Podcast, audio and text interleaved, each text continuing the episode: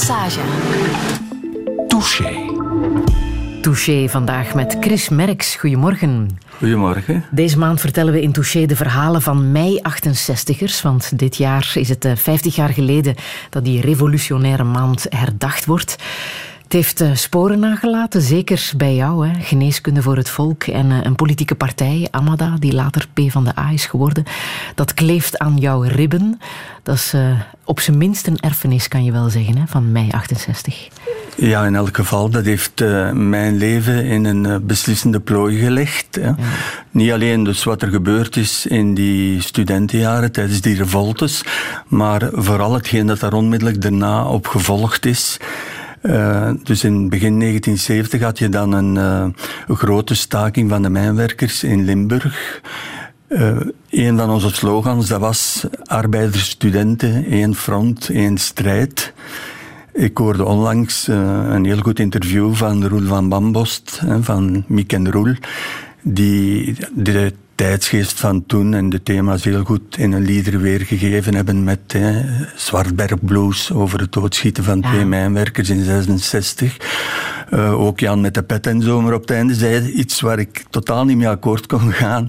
Hij zei, die slogan arbeiders, studenten, één front, ja, dat is een mythe gebleven. Hè. Dat is een illusie geweest. Wel, het is niet waar. Wij hebben de kans gekregen om dus kort na mei 68 in 70 naar die mijnwerkers te gaan. En in mijn geval dan vooral naar een staking van liefst 16 weken bij de scheepsbouwers van Cockerill En wij zijn er echt zo warm uh, ontvangen. En die mensen die appreciëren zo erg onze steun, dat daar ook het idee gegroeid is van, kijk, als je hier nu eens die ideeën van jullie, hè, jullie zijn voor gratis geneeskunde, en je brengt dat hier in de praktijk en we zullen jullie helpen met het inrichten van die praktijk. Uh, ja, dan kan je ermee ook een organisatie opbouwen en vertrouwen winnen met de mensen. En ik ben wel blij dus dat uh, nu eigenlijk bijna iedereen in die vele nabesprekingen van 50 jaar, mei 68, eh, van Paul Goossens tot Walter Zinzen in uh, MO, tot historica Gita de Nekker, Karel Michiels in zijn boek over mei 68, die zeggen allemaal dat is een mooi en tastbaar overblijfsel van de erfenis van mei 68, die geneeskunde voor het volk. En ik ben daar toch wel blij aan. Maar, dus dat danken we precies aan die keuze om ons echt te gaan verbinden met de arbeiders, de werkende mensen. En ik voel dat je je strijdlust nog lang niet kwijt bent, hè, 50 jaar later. En dat je je stem ook niet kwijt bent, want tot van de week uh, ben je zelfs gaan betogen. Hè? Ja, maar ik heb mijn stem wel een klein beetje gespaard. Speciaal voor vandaag. Omdat ik dezelfde avond in uh, de Druivenstreek nog een avond had, met, uh, samen met Brigitte Raskin, ook een ja. oud mei 68ste. En dat was georganiseerd stel u voor, door de PVDA-afdeling Druivenstreek. Ik wist niet dat die bestond. De druiventelers, hè, die zijn bijna helemaal verdwenen helaas. Maar dus wij richten daar nu wel een afdeling op. En uh, ik was heel blij dat Brigitte Raskin, die altijd uh, partijloos geweest is en dat ook zal blijven, dat ze zegt, allee, ik voel mij hier echt heel erg thuis, veel meer dan op al die andere debatten over mij 68. En wellicht was dat omdat ja, daar die, die geest uh, daadwerkelijk aanwezig was. Mm. En ja, er werd ook gesproken over uh, geneeskunde voor het volk, uh, ook over de mensen van ons die in de fabrieken zijn gaan werken als arbeider. Ik denk bijvoorbeeld hè, aan de vader van Raoul Ledebouw, nu goed bekend als perfect tweetalige en echt getalenteerde spreker in onze kamer. Wel, dat is de zoon van een een uh, psycholoog uit Leuven die afgestudeerd was, maar die is destijds gaan werken in de Waalse staalfabrieken. Mm -hmm. En uh, ja, uh, ik denk wat men apprecieert, dat is dat wij de daad bij het woord gevoegd hebben. En dat vinden de mensen toch nog altijd het belangrijkst. Hè. Je moet een ideologie toetsen aan wat, wat wordt er van in de praktijk gebracht. We hebben de woorden omgezet in daden. Hoe zou jij jezelf omschrijven? Ja, dat is altijd moeilijk. Eh, ik ben huisarts geworden en terecht zegt men van een huisarts en een dokter in het algemeen mag je empathie verwachten. Ik heb daar weinig moeilijkheden mee om uh, zo te zijn. Als de mensen mij zowel iets positiefs vertellen, dan ben ik er enthousiast over. Dan pik ik dat op, spoor ik hen aan om ermee door te gaan. Maar ook dus uh, al de problemen, zeker schrijnend onrecht en zo, dat je in, als dokter dag van vandaag en ook vroeger bijna elke dag tegenkomt, ja, dat, dat raakt mij. Eh, dan begin ik ook direct te kijken, uh, wat kunnen we daarmee doen? Uh, kunnen we er samen een actie voor ondernemen? Hoe kunnen we dat oplossen? En gisteren was ik toevallig gevraagd om te spreken op de begrafenis van iemand die toch wel een icoon van de arbeidersstrijd in de vorige eeuw geweest is, in de jaren tachtig. En dat was Lucien van Espen, de hoofddelegé van het koperfabriek VTR in Vilvoorde, langs de spoorweg daar. Eh, die man die heeft een bezetting geleid die negen maanden geduurd heeft, met 900 arbeiders. Die heeft dat zeer goed gedaan, op een uh, voorbeeldige manier. En men zegt daar, uh, wat heeft Lucien gedreven? Wel, dat is de spreuk die op zijn schouw hangt. En dat is, nooit bent u verslagen, zolang er een stem in u zegt doorvechten. En uh, ja, ik herken mij daar ook wel in. Mm -hmm. Dus ik zoek altijd aan wegen, zelfs als het niet van de eerste keer lukt, van hoe kunnen we dat toch bereiken. En ja, we hebben het geluk gehad van een organisatie achter ons te helpen met mensen met een gelijkaardige drive die ons dan altijd steunden. En zo hebben wij die resultaten kunnen behalen van de Orde van Geneesheren op de mm -hmm. knieën te krijgen na acht jaar zware strijd. Hm. Maar je bent een volhouder, hè? Communist tot in de kist? Ja, in, in de goede zin van het woord. Hè. Opkomen voor een uh, rechtvaardige wereld. Ervan uitgaan dat die enorme rijkdom die er nu toch is in ons land. Mm -hmm. uh, stel je voor, in de laatste veertig jaar is de nationale rijkdom die we met ons allen produceren uh, bijna drie keren toegenomen. Hè. En dan kan ik niet begrijpen dat men zegt, ja, de pensioenen moeten verlaagd worden. we hebben geen geld genoeg meer voor de scholen, de klassen te splitsen. om nog veel publieke kindercrashes op te richten, aan sociale woningbouw te doen. Uh, nee, dus het kan echt wel anders. En uh, dus dat wil ik blijven waarmaken tot in de kist, ja. Chris Merks, ik merk nu al dat deze touché te kort zal zijn. Welkom. Radio 1. 1. Friedel Lesage. Touché.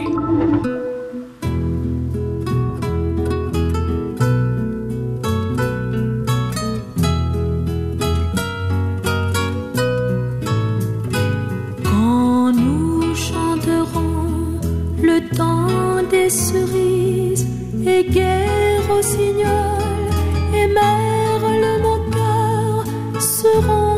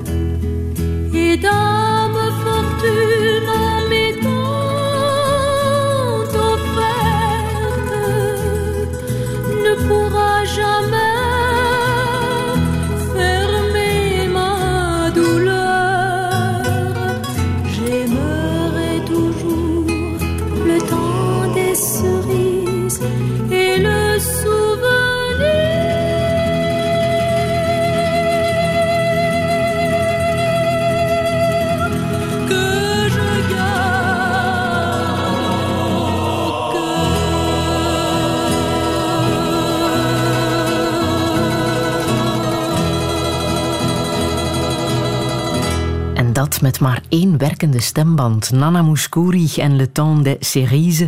De alerte touché-luisteraar hoorde vorige week dit nummer ook al, maar dan in de versie van Bobbiaan Schoepen en Geike Arnaert. Op vraag van Dolomina Chantal de Smet. Hij vertelde toen over uh, de commune van Parijs uh, uit de 19e eeuw, waar dit nummer aan uh, verbonden is.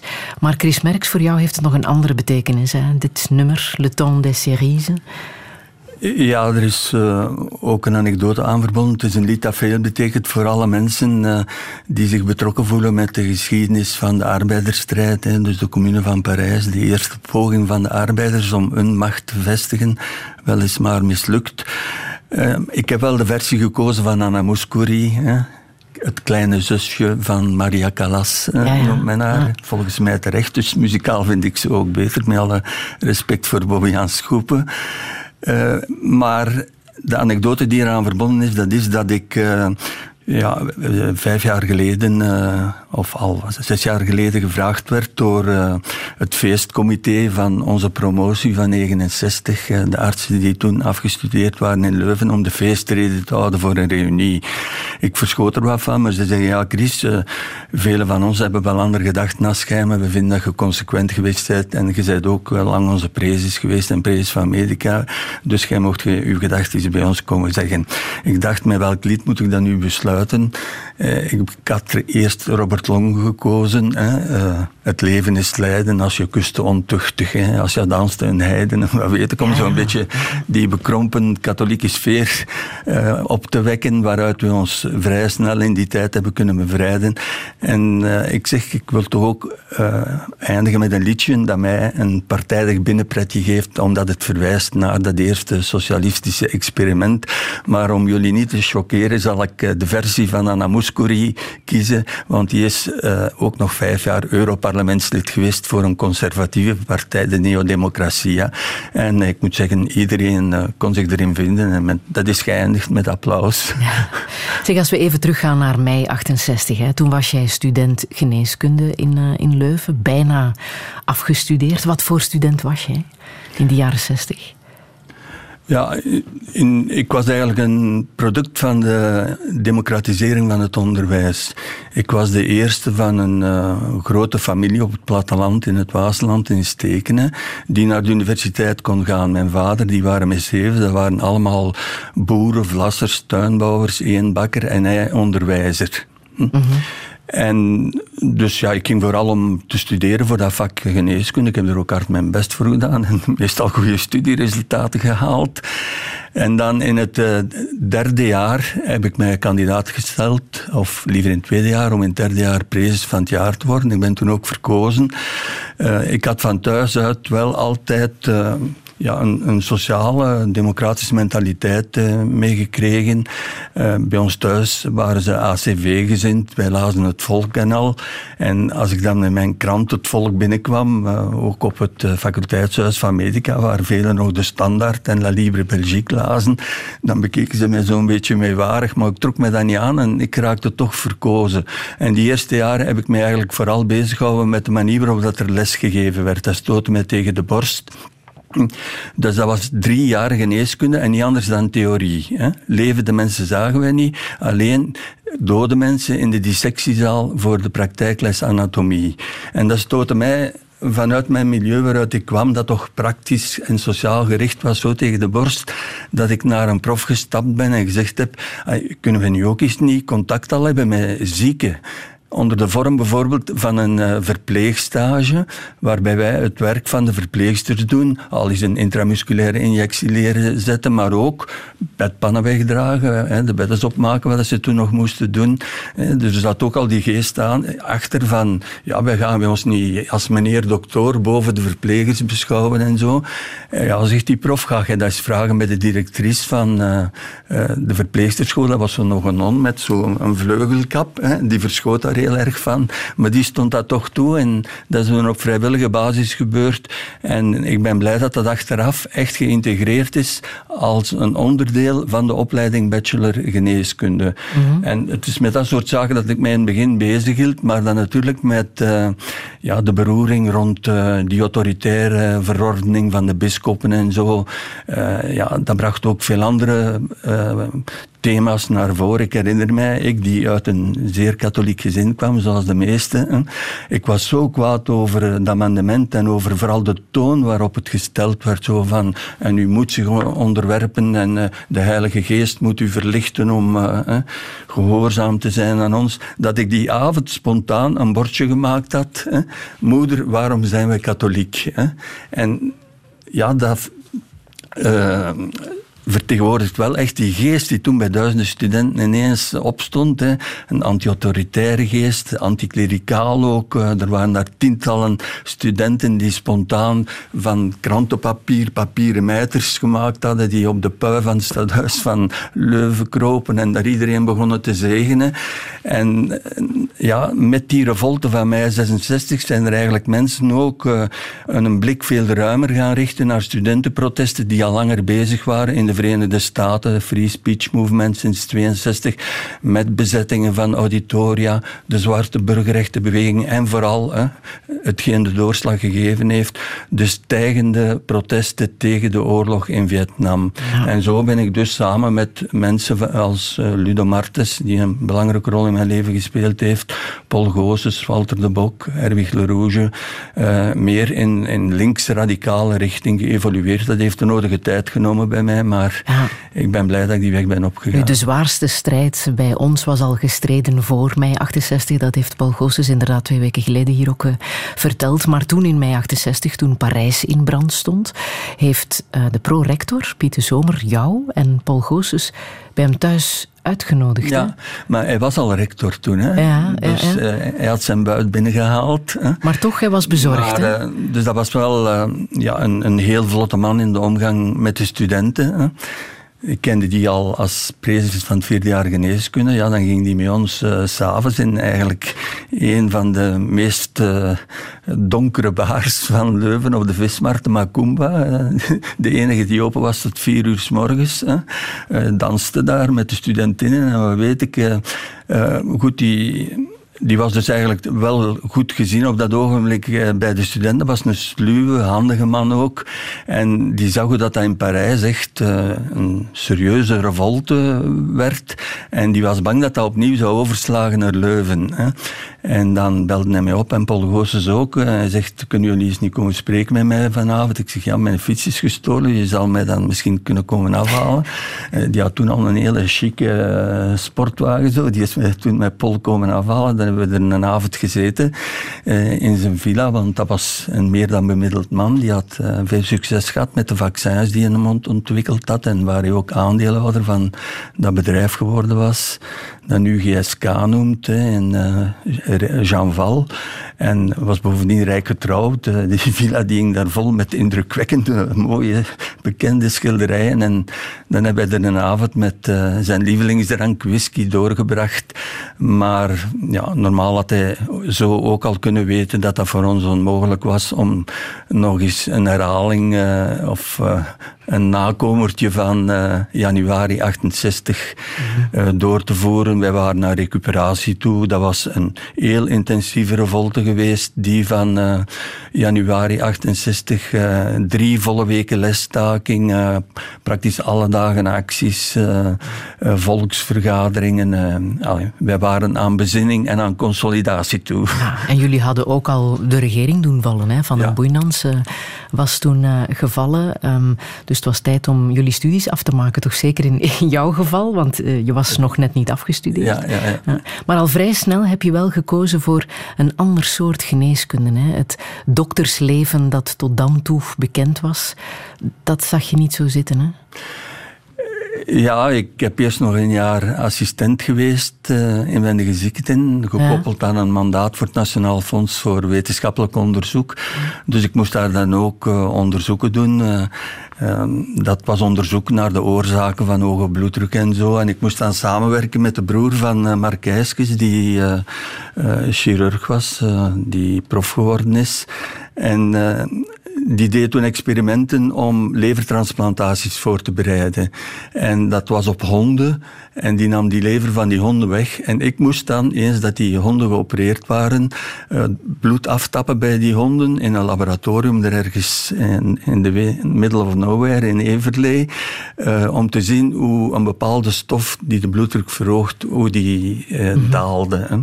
Maar ik was in diezelfde periode dan uh, gevraagd geweest om te komen meewerken met de mijnwerkers eerst, s'avonds na mijn uren, en dan vooral met die scheepsbouwers van Cockerill En dus als ik daar dan bij die honden zat te wachten om om de zoveel uur dat bloed af te tappen, dan dacht ik, allee, voor mij is er toch een ander leven weggelegd, hè, waar ik meer met mijn karakter, met uh, mijn capaciteiten kan doen. En dat is dan ook gebleken als je ziet hoe dat we uh, door die keuze te maken van dan samen met de arbeiders, scheepsbouwers van Cockerill aan die geneeskunde voor het volk te beginnen. Uh, ja, hoe dat we de bakens hebben kunnen verzetten. En voor ons, we waren links geworden. We hebben daar zelfs geen moment over gediscuteerd dat wij dat remgeld zouden laten vallen. Want dat was het. Hè. Ze zeggen, ja, dat is gratis geneeskunde, maar dat klopt niet helemaal. Dat klopt niet natuurlijk. Hè. De mensen betalen uh, uh, bijdragen voor de ziekteverzekering, een belangrijk bedrag. Hè. Dat is 13 procent werknemer en werkgever tezamen die op het loon uh, dus 13% afhouden voor de gezondheidszorgen alleen. En iemand die bijvoorbeeld 2500 bruto per uh, maand verdient, ja, per jaar betaalt hij voor zichzelf alleen al 2300 euro voor zijn ziekteverzekering. Dus voor ons was dat vanzelfsprekend dat wij die mensen niet nog in die tijd die 20 euro remgeld, pardon, die 20 frank, dat is een halve euro van nu, gingen vragen.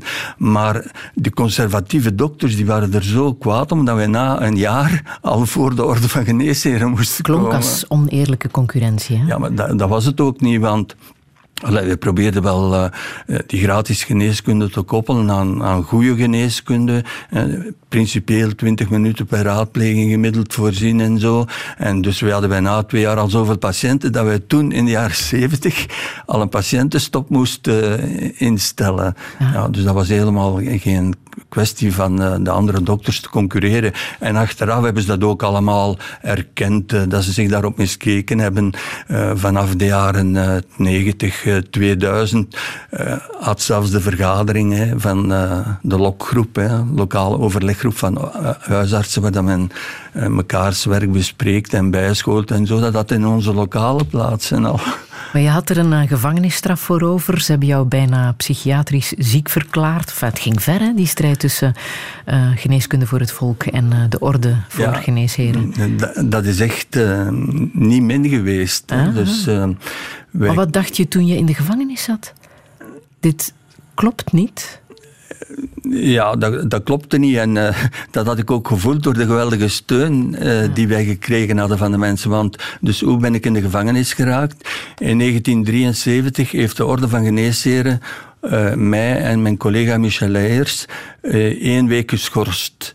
Maar je hebt doorgewerkt. Ja, en dus doorgewerkt. En vanaf dat ogenblik ben je volgens de Belgische wet bezig met onwettige uitoefening van de geneeskunde. Een wet die eigenlijk gemaakt is tegen kwakzalvers. Er was één dokter voor ons die dat gedaan had, dokter Leconte, een speciaal figuur. Hè. En die was de eerste dag dat hij doorwerkte direct opgepakt door de Rijkswacht en in de gevangenis gestopt.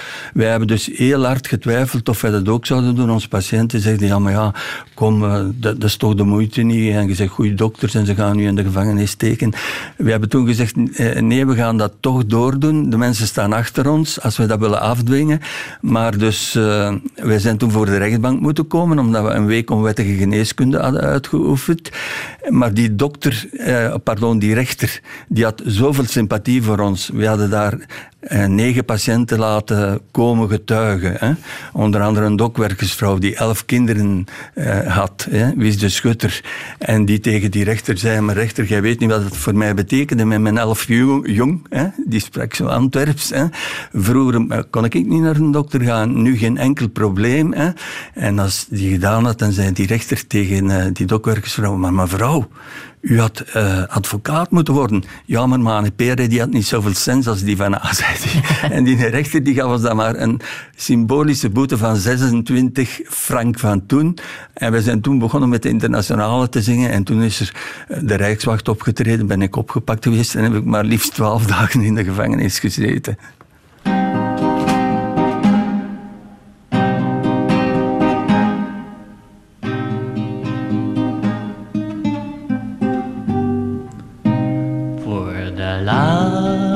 Keer stak je de sleutel in het slot en vroeg je, je blijft toch nog even.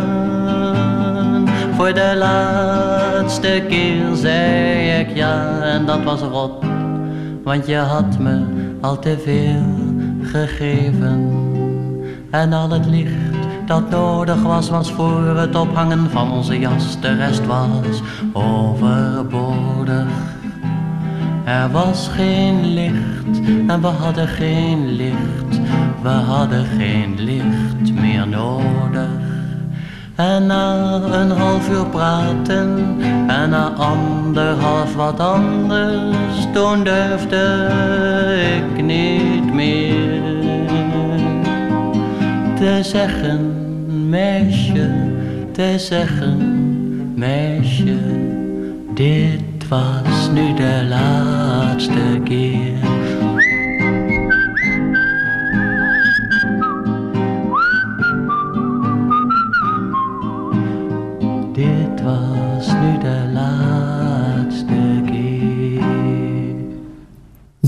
Jaap Fischer met De Laatste Keer, een nummer uit de jaren 60. Later zong hij alleen nog onder de naam Joop Visser. Maar Chris Merks, voor jou heeft het een uh, bijzondere betekenis, hè? dit uh, lied van Jaap Fischer. Ja, het, is een plaat die ik uh, in 1966 als verjaardagsgeschenk aan mijn latere vrouw gegeven heb. die kwam uit een gelijkaardig milieu als wij, ook twee onderwijzers. En uh, ja, ik heb het nu ook gegeven omdat het toont als je dat in het katholiek onderwijsmilieu als geschenk al kon geven, hè, voor de laatste keer en alles. Dat was nodig, was wat uittrekken van onze jas en zo. En haar uh, jonge broer, die, die, die zong dat volledig en niemand nam daar nog aanstoot aan. Dat toont wat dat er aan het veranderen was in die tijd, ook in dat katholieke onderwijsmilieu, dat toch in de jaren 50 heel streng was, ook voor de kinderen en zo. Ja je ouders, op welke manier hebben zij ja, de oorlog uh, doorgemaakt? Wel, ik ben op het einde van de oorlog uh, geboren. Hè. Dus uh, ja, mijn moeder die was ervoor onderwijzeres. die is pas kinderen beginnen kopen als ze 38 jaar was, stel je voor. En ze heeft er dan nog zes kinderen gehad. Uh, daarna mocht zij geen les meer geven, zo was dat in die tijd. Ja, mijn vader in de oorlog, dat was uh, onderwijzer ook, maar tegelijk boerenzoon. Ja, die hield zich vooral bezig met smokkelen en zo. En was dus uh, heel kwaad op de Zwarte Brigade, die dat soort mensen probeerde te pakken. En. Maar ja, dus na de oorlog is mijn vader na, naast onderwijzer in 46 ook secretaris geworden van de lokale ziekenfondsafdeling. Hè. Dus de verplichte ziekteverzekering die is toen ingevoerd geworden. Dat was een hele grote vooruitgang die men heeft uh, moeten toestaan aan de mensen. Vooral onder druk van de kracht van de, de linkse, antifascistische en vooral communistische beweging op dat ogenblik. Uh, en ja, dan zocht men in de gemeente mensen die ook uh, ja, wat, wat, kenden van boekhouding en cijfers. En dan kwam men terecht bij mijn vader, die van plan was van dus een groot gezin te vormen. En uh, die dacht, een bijverdienste, dat kan wel. Maar van in het begin stoorde hij zich aan het feit dat er een aantal dokters waren die van dat systeem van verplichte ziekteverzekering, waarbij zeker voor de gepensioneerden alles integraal werd terugbetaald, dat die ervan profiteerden. Niet alle dokters, maar toch een aantal. Hè. Dat die bijvoorbeeld bij mensen de bloeddruk niet meer om de maand gingen nemen, hè, maar twee, drie keren per week het ziekenfonds betaalde toch. En dus daar heeft hij vanaf het begin tegen gefulmineerd, ook in ons huishouden. Hij is ook altijd bestuurslid geweest van uh, de christelijke ziekenfondsen, ook op regionaal en nationaal niveau. Hij heeft daar nog speechen tegengehouden waar hij zo fier is uh, over is als een gieter hè, op een nationaal congres in Luik, dat de CVP-ministers veel te weinig gedaan hadden tegen die schandalige dokterstaking van 79 voor docenten. Dus de afkeer voor docentengeneeskunde, dat heeft hij mij wel meegegeven. En ja, van mijn moeder... heb ik altijd gehoord. Dus haar vader was ook een onderwijzer. En ze vertelde altijd, want ik heb hem niet lang gekend, ik was drie jaar als hij stierf. Uh, uw bompa die organiseerde in zijn keuken de dop voor de arbeiders van de christelijke arbeidersbeweging. En dat deed hij omdat hij zegde, een rammelende buik die luistert niet naar God.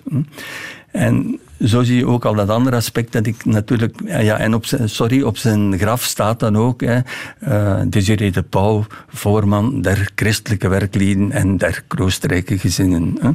Maar van mijn ouders heb ik tegelijk toch ook datgene meegekregen in het begin, wat zij in die katholieke normaalscholen van de jaren dertig heel uh, intensief hadden opgedrongen gekregen, dat antisocialisme, dat anticommunisme.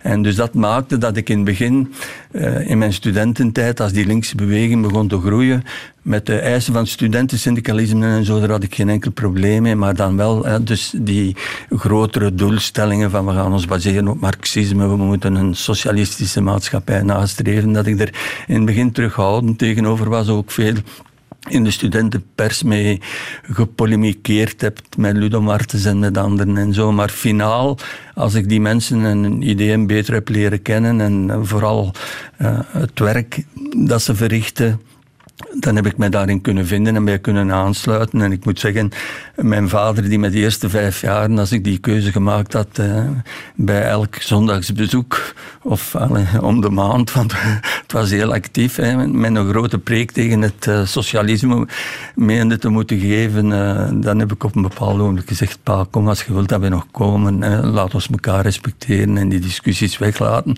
Maar toen mijn boek uitkwam in 2008, dan was ze 94 jaar, hè, dan was hij ondertussen al zo enthousiast over die geneeskunde voor het volk en al de positieve echo's die hij ook in zijn eigen omgeving, christelijke werk, beweging, hè, christelijke mutualiteit Noorden, dat de hele dorp is afgelopen en er 104 verkocht heeft.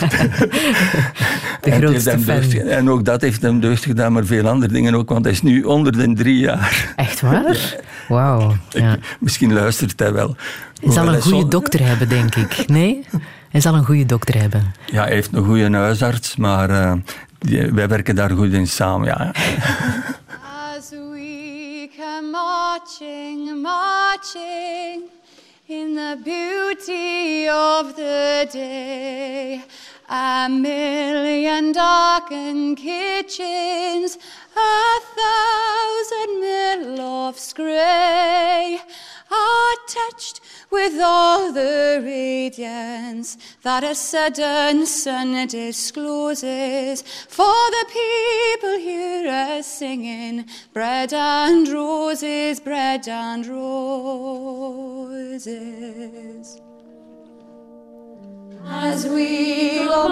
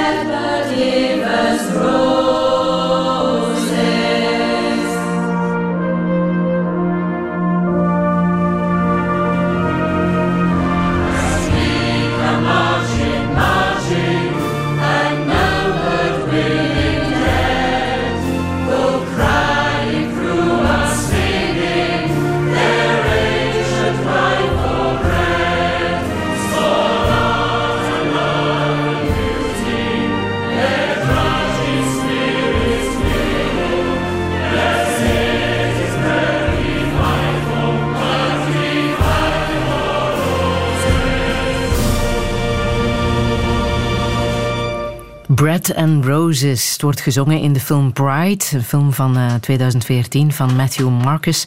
Met die heel bijzondere zin: The worker must have bread, but she must have roses too.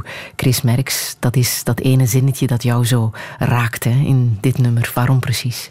Ja, men denkt dat we eigenlijk alleen eh, de materiële eh, belangen van de mensen nastreven en zo. Maar dit lied drukt dat uitstekend uit. Die andere wereld waar zoveel mensen naar verlangen. Dus die moet dan ook voldoen op het vlak van... die moet de honger van een hart ook stillen. Die moet hen een gerust leven geven waar dat ze van zaken kunnen genieten, ook cultuur. En dit lied drukt dat uitstekend uit. Hè. Dat sluit ook aan bij die uh, affiche die al meer dan 100 jaar oud is van de arbeidersbeweging. Wij vechten voor de drie achten. Hè. De acht uur werken, de achturige werkdag. Hè. Acht uur rust, slapen, Hm? Maar ook acht uren voor ontspanning, voor cultuur, voor ons kinderen, voor ons sociaal leven. Wat met de huidige flexibiliteit en zo voor veel mensen toch wel heel erg in het gedrang komt. Ja, hm.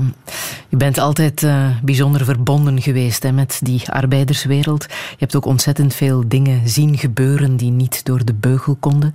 Als je nu terugblikt, wat is het ergste wat je hebt gezien, denk je?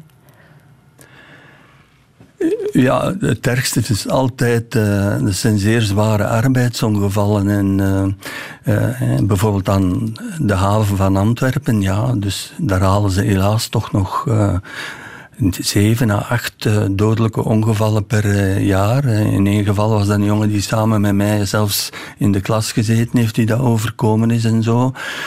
dan heb je natuurlijk ook al de problemen van beroepsziekte. Hm?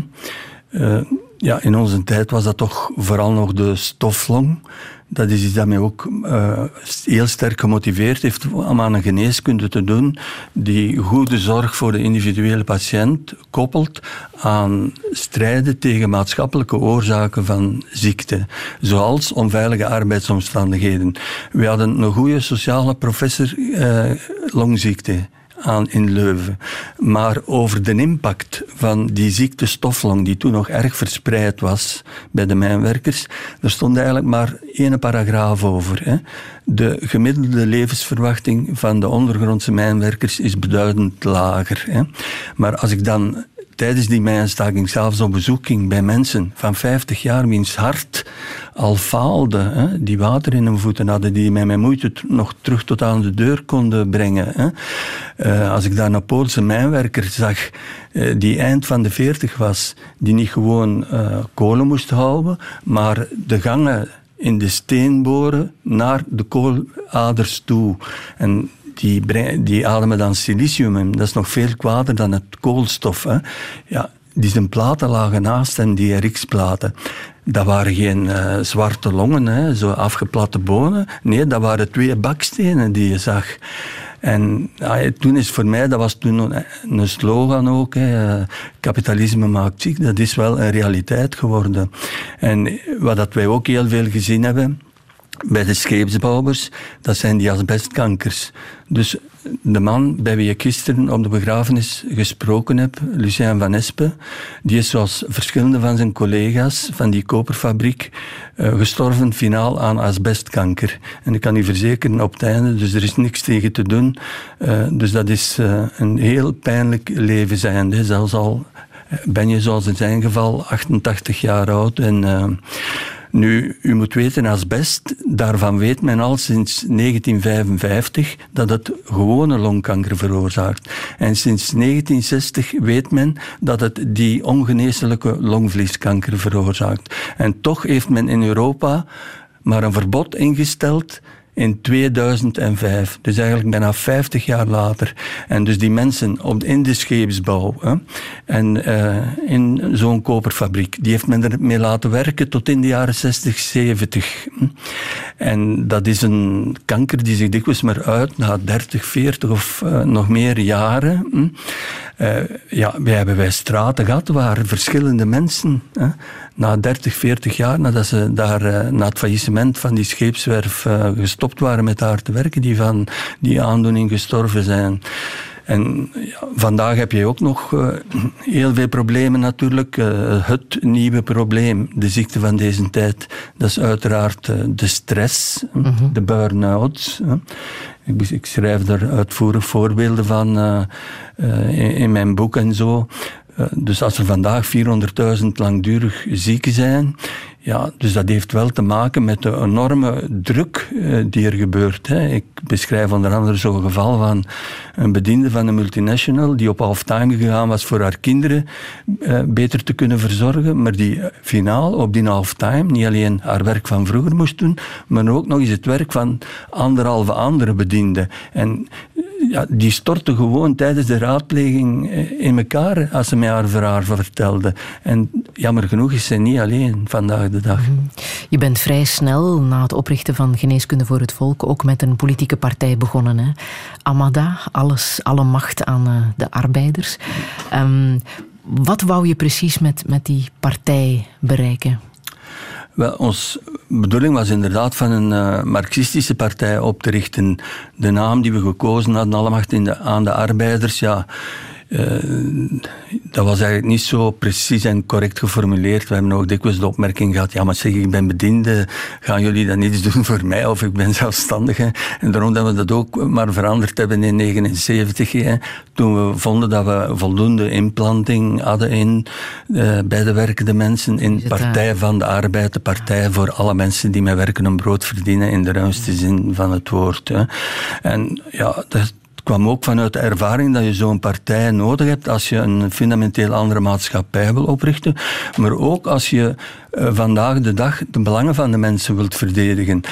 Want ik heb daarnet uh, Gita de Nekkere, een uh, gewaardeerde historica van de Universiteit Gent, geciteerd, die deze week zegt, kijk, geneeskunde voor het volk, dat is een product van mei 68, maar dat is zegt ze erbij, veel meer dan de PVDA. En dat klopt niet. Want als wij ons destijds hebben kunnen verdedigen hè, tegen die aanvallen van de Orde van Geneesheren, als wij grote resultaten bekomen hebben hè, in de strijd tegen de loodvergiftiging, eh, veroorzaakt door het non-ferro-bedrijf Metallurgie Oboken, bij de arbeiders, maar ook bij tientallen kinderen rondom het bedrijf zelf, dan is dat alleen omdat wij zo'n partij hadden met strijdbare, gemotiveerde, gevormde militanten die bereid waren om te helpen om de mensen daarvoor in beweging te brengen. Maar dat was ook de kritiek die er bestond, hè? dat jullie via de geneeskunde mensen ook probeerden te ronselen voor de politieke partij. Nee, dus we hebben wij nooit uh, de mensen verplicht van ons te, te, volgen. Dat is iets dat op, op zich werft. Hè.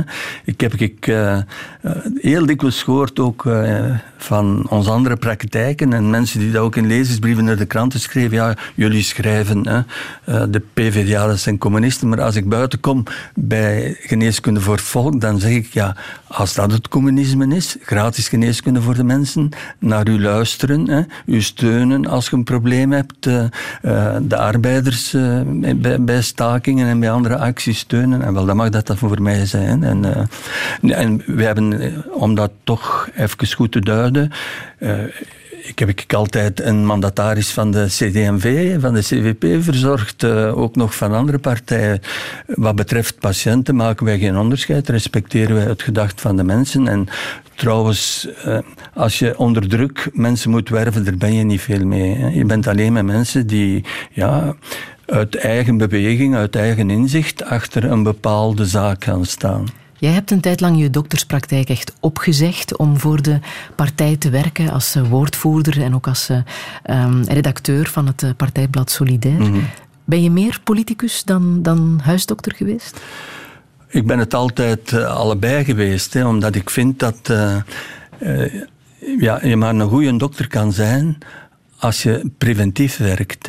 En dus als je ook iets doet aan de vele sociale, maatschappelijke oorzaken van ziekte, ik heb u bij ons het voorbeeld gegeven van de ongezonde werkomstandigheden, maar als je dat op wereldvlak bekijkt, hè, we hebben veel jonge dokters en dokteressen gehad die eerst een tijd in de derde wereld gaan werken. Die komen allemaal met dezelfde boodschap terug. Die zeggen, uh, veel dodelijker dan de bacteriën en de virussen, zelfs dan aids, is honger en armoede. Dat zijn dan dokters die gewerkt hebben in de sloppenwijken in de Filipijnen of in Latijns-Amerika. En dus ik vind, je, je moet de twee koppelen. Nu, uh, ik heb dat toen gedaan omdat de partij dat gevraagd had. Uh, en die partij is ook nodig als ruggengraat van geneeskunde voor het volk om de mensen te motiveren, het, het, nut, de betekenis ervan te doen inzien.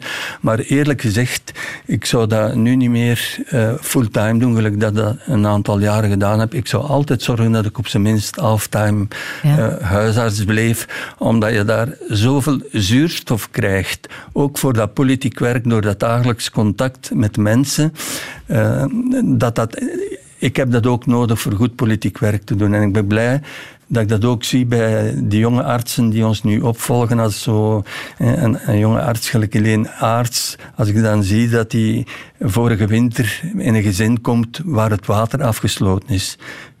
Tot voor kort, we hebben dat nu kunnen doen eh, stoppen. Meer dan 2000 afsluitingen van water bij mensen alleen in de stad Antwerpen. En je ziet dat die mensen dan om te drinken flessen in de Aldi moeten gaan kopen, water moeten gaan schooien bij de buren om zich een beetje te wassen en zo. Wel, die zet dat op Facebook. We beginnen er een actie rond en eh, zo'n zaken, dat motiveert daar. En dat motiveerde mij ook al bijzonder. En ik was heel blij als ik uh, die job opnieuw terug kon, kon opnemen. En ik denk niet dat dat aan mijn uh, politiek rendement geschaad heeft. Integendeel. Als uh, Merks in Antwerpen uitspreken, dan klinkt dat als ja, de Marx. Is, Klinkt een beetje als Marx. Ja, ja. Vindt hij niet erg waarschijnlijk, hè? Nee, daar ben ik toch niet mee te vergelijken. Die heeft toch wel een uh, meer beslissende invloed op de geschiedenis gehad dan ik. Uh, ja. Maar ik heb er me wel aan geïnspireerd. Ja. ja je hebt een biografie ook gelezen, hè? Die indruk heeft gemaakt op jou over Karl Marx. ja. Uh, dus dat is een, een, boek dat inderdaad uh, mij aangeboden geweest is uh, door George van Kouwenberg, hè, die overleden zeer bekende stadsgids van Antwerpen, linkse socialist. En die kwam je op de boekenbeurs tegen en die zei inderdaad, Marx, ik ken vooraan een boek. Hè, hier, en dat was een boek van 1912, geschreven door Frans Mering, maar in heel mooi, archaïs, literair Nederlands vertaald.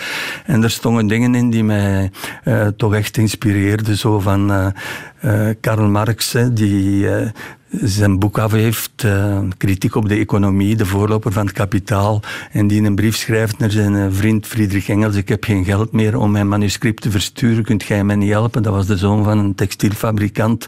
En dat hem ironisch schrijft, ja, er is nog nooit iemand geweest hè, die bij, zo, hè, bij zoveel geldgebrek als ik over geld geschreven heeft. Want de meeste auteurs die leven in volkomen overeenstemming met het onderwerp dat zij beschrijven. Maar dat was voor hem niet het geval. Hè.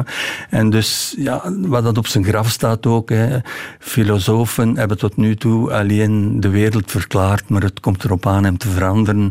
Ja, en de conclusie die hij eruit getrokken heeft van ja, dat je je particulier belang toch wat opzij schuift om eigenlijk de grote kwalen van de mensheid om daar iets ten gronde aan te doen. Uh, hij vertaalde dat dan in dat motto werken voor de wereld. Ja, dat heeft mij veel gezegd.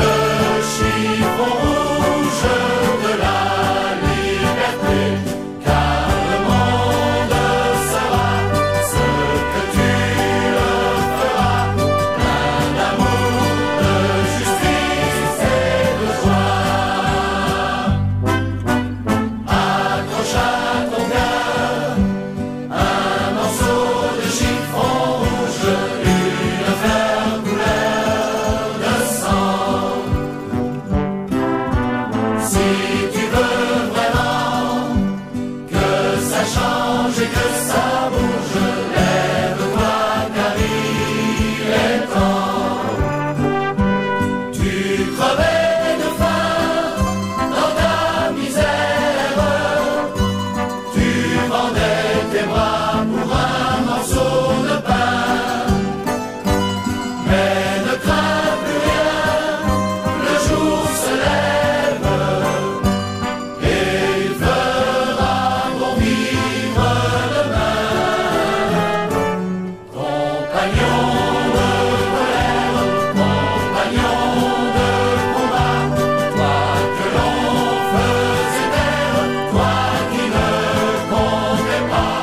Chiffon Rouge van eh, Michel Fugain, een nummer uit 1977. Hij heeft trouwens geneeskunde gestudeerd, maar nooit uh, afgemaakt. Uh, hij is in de entertainmentwereld terechtgekomen, Michel Fugain. Waarom wou je dit nummer laten horen, Chris Merks? Ja, dus het is een prachtig meeslepend nummer dat ook uh, ja, dat globaal project van een andere maatschappij uh, heel mooi vertolkt. De wereld zal worden wat uh, jij ervan maakt. Dus je moet er zelf iets voor doen. Hè. Vol liefde, vol rechtvaardigheid en vol blijheid ook. Het is een walsje. Het is ook een walsje, ja. en, uh, ja dus Klopt het dat jij graag walst? Of tenminste graag danst? Ja, dat doe ik. Ja. Ik heb leren dansen zo in de tijd op de schoolfeestjes en op de kermissen. En, uh, en de walsen die waren toen nog erg in. En ik doe dat nog altijd graag. Hè. En, ben je er ook goed in? ik, ik, ik, kan dat tamelijk goed. Ik zeg wel altijd, want ik heb er nooit lessen voor gevolgd. Als ik uh, met een partner begin te dansen. Uh, ik ben met een kermisdanser hoor, maar uh, het wordt wel geapprecieerd zelfs door jongere vrouwen. Wat is voor jou ontspanning, Chris Merks? Wat is dat voor jou, als je wil ontspannen? Ontspannen, eh, wel uh, onder andere zoals uh, die feestjes en we hebben er geen gebrek aan, want sinds dat uh, Mie Branders bij ons al 25 jaar geleden of langer dokter geworden is ook, die heeft dan zo een systeem ingevoerd van Café Santé, elke laatste vrijdag van de maand uh, kan je verschillende menus komen eten. We hebben patiënten van alle origines, Iranese, Marokkaanse, Italiaanse, Spaanse. En uh, dan wordt dan telkens een menu gemaakt, ook al is een Belgisch-Vlaams menu en zo. En voor uh, eh, 6 euro kan je daar dus een drie gangen menu krijgen en achteraf wordt er dan dikwijls wel eens een plaatje gedraaid. Maar voor de rest, ja, ik, uh, ik hou van de natuur. Uh, gelukkig mijn vrouw ook. Uh, wij proberen ook op doktersadvies serieuze wandelingen te doen aan het tempo van Nordic walking. En wow. dus als het mooi weer is, fietsen en zo. Ja. En op reis met een mobile home, past ook bij jou? Ja, sinds... ja, zo sinds 2010 konden wij van een vriendin die er niet veel meer mee reed zo'n Rimor-uren, eigenlijk meer een oldtimer van 1995. We hebben die dan kunnen overkopen. Ik heb een vriend die die heel goed onderhoudt en we hebben daar al uh, grote reizen mee gedaan de laatste jaren. Ik heb nog muziek uit de film Made in Dagenham. Dat is een film uit 2010, gebaseerd op een uh, ware gebeurtenis uit uh, 68. Het is ook jouw favoriete film. Hè? Wat heeft jou daarin zo geraakt? Ja, dus het, het is een prachtige film. Uh, illustreert ook uh, de grote rol die vrouwen kunnen spelen eh, in de arbeidersstrijd. Hè. Daarover gaat het. Ja, dat is uh, bij ons ook geweest en dat heeft ook mee mei 68 bepaald. En dat wordt eigenlijk in maar weinig boeken belicht. Hè. We hebben hier in 66 hebben we hier een staking gehad van 12 weken van 3000 arbeidsters van de FEN voor gelijk loon, voor gelijk werk. Hè.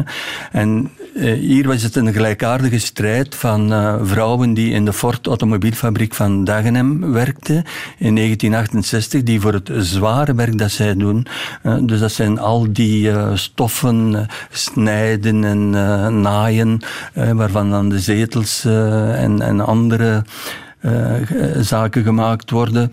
En uh, dus die voeren de strijd. Uh, er is dan ook een vrouw die zich daar speciaal in profileert, een jonge vrouw. Hè.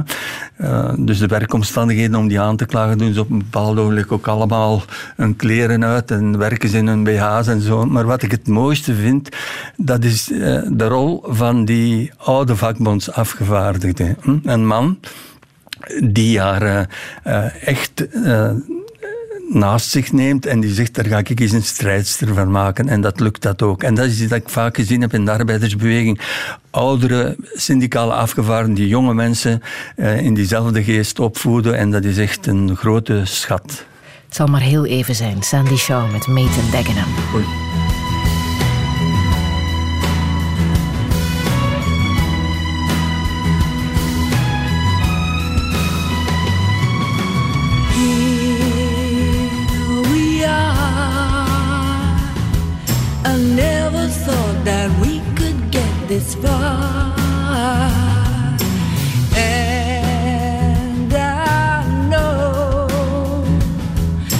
Now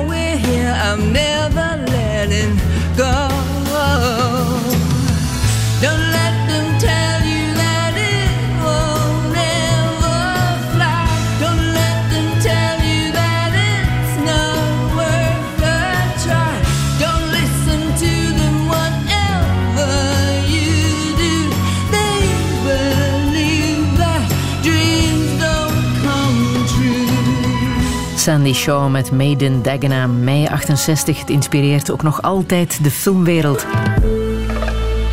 Radio 1. Friedel Lesage. Touché.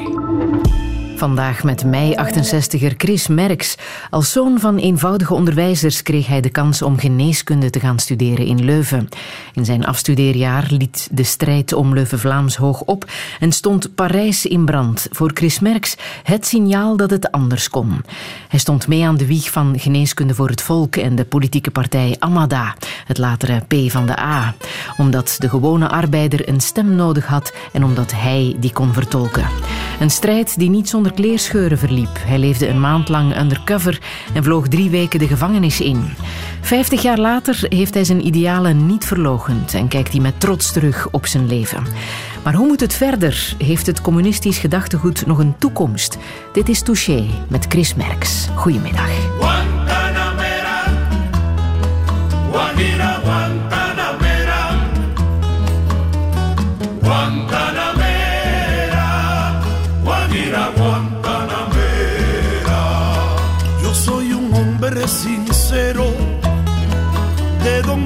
Donde crece la palma. Yo soy un hombre sincero, de donde crece la palma. Y antes de morir yo quiero echar mis versos del alma. Y antes de morir yo quiero echar mis versos del alma. Guajira, Guantanamera, Guantanamera, Guajira, Guantanamera. No me pongan en lo oscuro a morir como un traidor. No me pongan en lo oscuro a morir como un traidor. Yo soy bueno y como bueno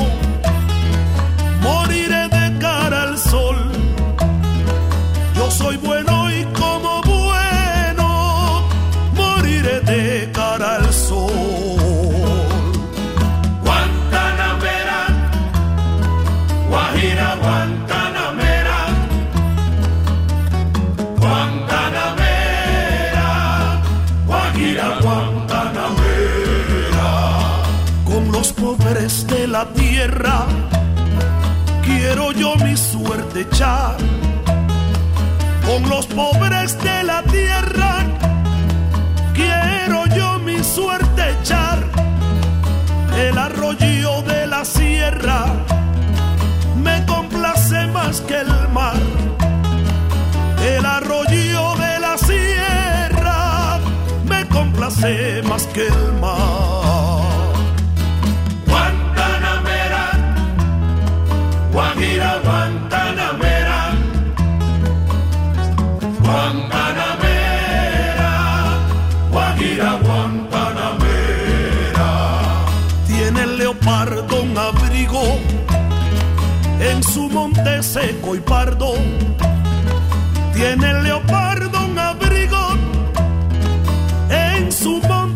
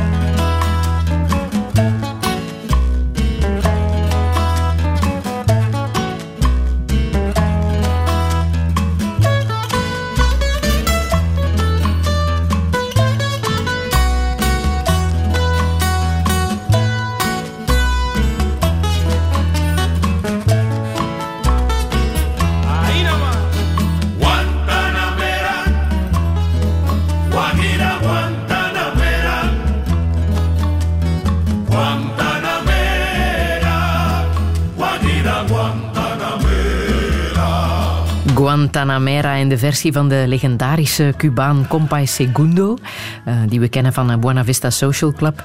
Nana Mouskouri heeft ook een versie van eh, Guantanamera. Wist ik niet, vond ik heel toevallig. En ik las ook dat Guantanamera betekent vrouw van het platteland. Een ode aan de vrouw van het platteland is Ja. dit. Het is ook een muziekstijl, blijkbaar. Maar jij hebt het gekozen, Chris Merks. Ik weet niet waarom.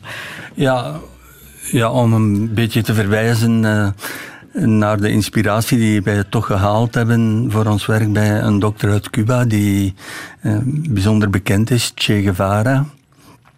Nu, ik had ook eh, het liedje kunnen, Commandante Che Guevara, hè, maar eh, ik vond dit beter, het is poëtischer. Hè. Eh, Het geeft eigenlijk ook dezelfde boodschap. Hè. Met de armen op de aarde wil ik mijn noodlot delen. De beek in de bergen, waar die mensen wonen, verschaft me meer genoegen dan de zee. Dus laat ons zorgen voor verbetering voor de mensen.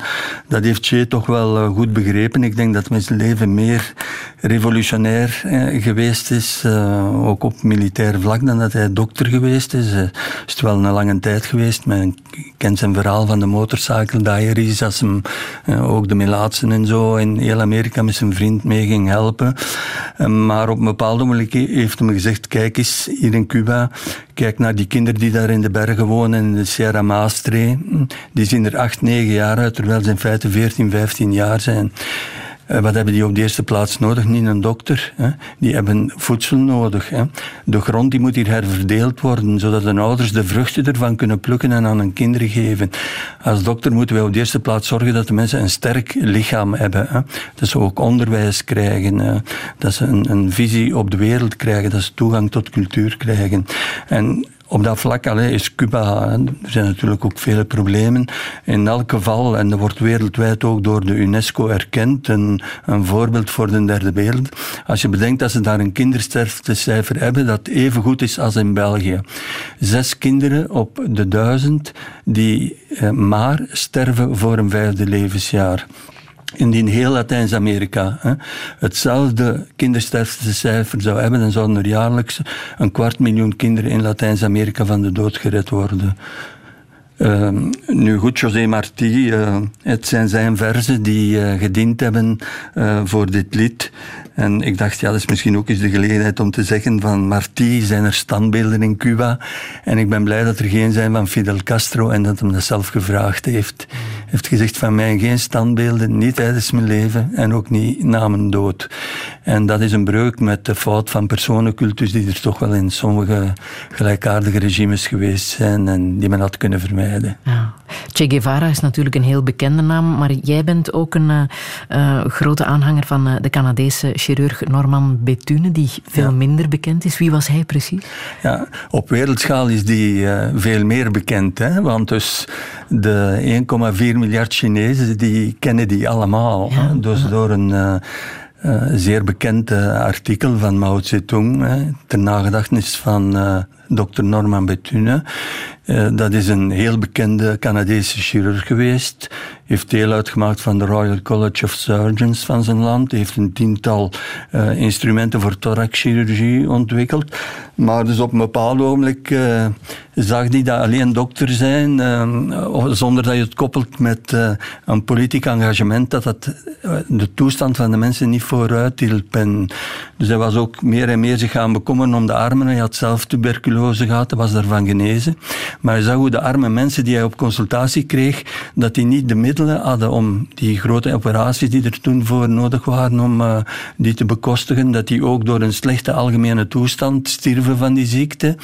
En eh, dus dan heeft hij gezegd, dat moet hier gedaan zijn met een mooie eh, uitspraak hè, van eh, faam en fortuin op de troon te zetten. Ik ga met hem volle engageren. Er was toen de Spaanse burgeroorlog, daar is hij de Republikeinen gaan helpen. Dan hoorde hij dus van de strijd van ehm, de Chinezen tegen eh, de Japanners. En eh, in China en is hij het Rode Leger gaan helpen. Heeft hij daar ook heel innovatieve zaken ontwikkeld van de MASH-methode, Mobile Armored Surgery Hospital, van de hospitalen dicht bij de frontlijnen te brengen, zodat er meer soldaten konden eh, gered worden en zo. Maar vooral wat ik van hem geleerd heb, is een toewijding. Hè. Dus een van zijn spreuken, dat was ook aan de mensen die hem hielpen om die soldaten van het Rode Leger te verzorgen. eh, je moet die patiënt beschouwen alsof het uw eigen vader en zoon of zuster was, of moeder. En dat heb ik ook altijd proberen toepassen. Ik vind dat dat een geweldige inspiratie is. En... eh, Ehm, ja, die man natuurlijk, die verdient ook veel eer, omdat hij inderdaad zelf tijdens zijn werk gestorven is. Op een bepaald moment hadden ze geen rubberen handschoenen meer om te opereren. En heeft hem zichzelf gesneden in zijn vinger. Heeft hem dus een eh, bloedvergiftiging opgedaan en is hem op 49-jarige leeftijd gestorven. Mm, hij heeft nooit eh, pensioen gehad, zoals Nee. Che Guevara trouwens ook niet. Hè? Die Nee. is op zijn 39 geëxecuteerd. Mhm. Jij geniet wel van je pensioen. Gelukkig, ja. Ja. Ben je tevreden met jouw pensioen? Eh, Financieel? Met het pensioen dat ik verdien, ja, dat is bescheiden. Dat is 1012 euro, wettelijk pensioen. En Dat komt ook omdat ik op vrijwillige basis in die beginjaren van Geneeskunde voor het Volk van een partij. eh, wij waren akkoord van aan een heel bescheiden loon eh, te leven en eh, veel geld te investeren in de opbouw van geneeskunde voor het volk en de partij. Ja, ik heb dan ook nog een 270 euro tot mijn 85 als ik zo oud word. Hè. Eh, dus omdat ik altijd aan de sociaal tarieven gewerkt heb, dat is een, iets dat je krijgt van het recife dan. Maar ik heb een vrouw die lerares geweest is en die een, een goed lerarenpensioen heeft. Dus jij bent een gelukkige gepensioneerde. Ja. Maar woensdag In was er... vergelijking met ehm, veel mensen die het eh, moeten doen, eh, ja, het, het gemiddeld werknemerspensioen in eh, België. Het gemiddelde pensioen in België is voor de mannen eh, nog geen 1200 euro, 1180 voor de vrouwen, die- maar Mhm. 880. Hè. Ja, dus dan ben ik een gelukkig mens. Ja. En voor die pensioenen zijn woensdag bijzonder veel mensen op straat gekomen in Brussel. Dat klonk daar zo. Ben ik 55 jaar en ik kon geen, eh, niet tot mijn 67 jaar werken. Ik werk in drie ploegen, nacht, de vroeg, namiddag. Ik zie dat niet zitten. Ik denk dat de mensen het ook niet zien zitten van een kleuterjuf of een lagere schooljuf te hebben. 65, 67, we moeten ze verzorgen. Pampers, neuzensnuiten en al wat dat u wilt, dat gaat allemaal niet meer. Hè? Volgens mypension.be nog vier jaar, maar dat eh, verandert regelmatig. Als ik kijk, ik heb collega's die plots drie jaar langer moeten werken. Motivatie mindert ook een stuk. Hè. Touché. Chris Merks, ik hoef jou niet te vragen of je deze mensen begrijpt. Hè. Natuurlijk begrijp je Ja, die. en absoluut. En mijn boek staat vol met verhalen van bouwvakkers, dokwerkers, die eh, als ze nog geen 50 zijn al bijna stijf staan van de artrose, papegaaienbekken in hun rug om u tegen te zeggen. Hè. Ja, dan de kleuterleidsters, eh, de kassiersters tegenwoordig. Hè. Dat is ook een nieuwe beroepsziekte. Al die gewichten opheffen, voortdurend scannen, dat noemt men repetitief strain injury, eh, ontstekingen van eh, gewrichten, spieren, pezen. En ik begrijp volledig dat er ook fantastisch veel leraars waren. De- met de prikkels die de kinderen tegenwoordig allemaal moeten verwerken, hè, klassen met meer dan 20, soms 25 of meer, ja, dat is gewoon niet vol te houden tot als je 67 bent. En, uh... Wat is een mogelijke oplossing voor jou in deze discussie? Wel, ik, ik zeg in een rijk land zoals het onze, hè, waar we dus in de voorbije 40 jaar drie keer meer rijkdom met z'n allen produceren, hè, moet dat perfect mogelijk zijn, bijvoorbeeld om het huidige pensioenstelsel te behouden. Hè. Normaal pensioen op 65 jaar, vervroegd pensioen mogelijk vanaf 60 jaar en brugpensioen voor de zware beroepen van, uh, vanaf 58 jaar. Dat kost 1% van het bruto binnenlands product. Hè. Dat is 4 miljard Belgische frank. Hè. Miljonair straks alleen, als de al wie een bezit heeft boven 1 miljoen euro, en dan mag hem nog een huis bijtellen van een half, tot een waarde van een half miljoen euro, wat daar boven is als fortuin, als je daar jaarlijks 1% op zou doen betalen, en voor diegenen die boven de 2 en de 3 miljoen zitten 2 en 3%, ja, dan heb je 8 miljard, dus dan kan je dat perfect uh, betalen voor de mensen. Dat zou niet mogen in een rijk land zoals het onze, dat men de mensen Allee, het, het mooiste van het leven toch, een, een rustige, rijk gevulde pensioentijd, dat men hen dat ontzegt. Er zijn heel harde discussies aan vooraf gegaan aan deze strijd, maar misschien kunnen we de strijd verzachten met een, eh, een, een gedicht van Charles Ducal dat jij hebt meegebracht. Ja, dus dat waar uh, Charles Ducal, die in het post mij 68 is, en ik vernam deze week dat hem er net een boek, over, een roman deze keer over geschreven heeft. Die heeft speciaal een... Uh, uh, gedicht gemaakt voor de betogers te steunen. Te zeggen, kijk, uh, die strijd is rechtvaardig en die zal ook uh, resultaat hebben. Hè. Men ziet trouwens minister Baklein al achteruit krabbelen. Hij zegt, pensioen met de punten, dat zal zeker niet voor deze legislatuur beslist worden. Wil je het voorlezen? Ja, ik ga het voorlezen. Het heet Rode Bloemen. Herleid tot schort, tot dweil, tot toetsenbord zo vanzelfsprekend dat het werkt, ook zonder naam, zonder gezicht, tot het is uitgeput, onbruikbaar wordt. Het mens dat prijzen kent, het ziekbed dekt, zich buigt over de vloer. Zij zijn de bloemen, niet die elk voor zich de zon opeisen. Hun arbeid is een lied dat niet vervoert, niet opstijgt in het licht daarboven, waar men leeft in overvloed. Waar niemand vraagt hoeveel een rug kan dragen, of wat een dweil versleten eet van het pensioen. Misschien, als alle dweilen zich verenigen, met alle schorten, alle kassas tot één stem, zullen de heren hogerop dan eindelijk niet horen dat het beneden zo niet langer werkt. De dag waarop de dweil de vloer verlaat en zwaaiend aan een hand door Brussel gaat. Ze kwamen van zuiden en van de Afriek, hoe meer dan wat broeder geraken. Verjaagd er de honger, bespot er een kliek, die niks met hun lot te maken. Ze hadden zoveel gehoord van dat noordelijk land, waar dat je kunt leven en sparen. Waar dat je kunt denken naar eigen verstand in een simpele welstand vergaren.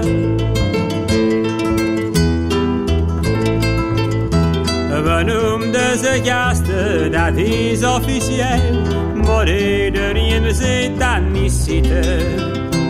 Er zijn primitieven die continueel op die gasten gaan vloeken en vitten. Want eerste licht mee aan economie de schuld van corrupte gebruiken. De slaven die geven de slaven de schuld en willen de Turken buiten.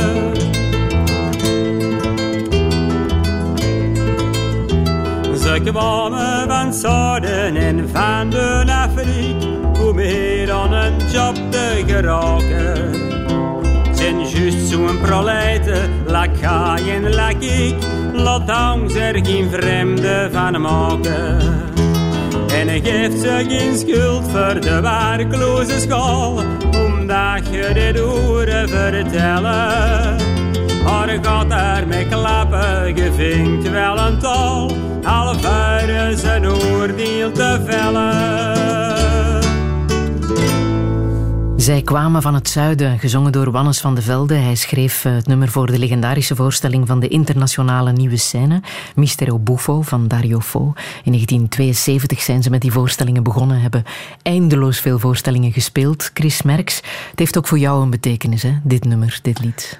Ja, absoluut. En niet alleen door de grote rol die de internationale nieuwe scène en ook andere artiesten, zelfs Hugo Claus, hè, in die tijd gespeeld hebben om heel die geest te verspreiden, onder andere van solidariteit.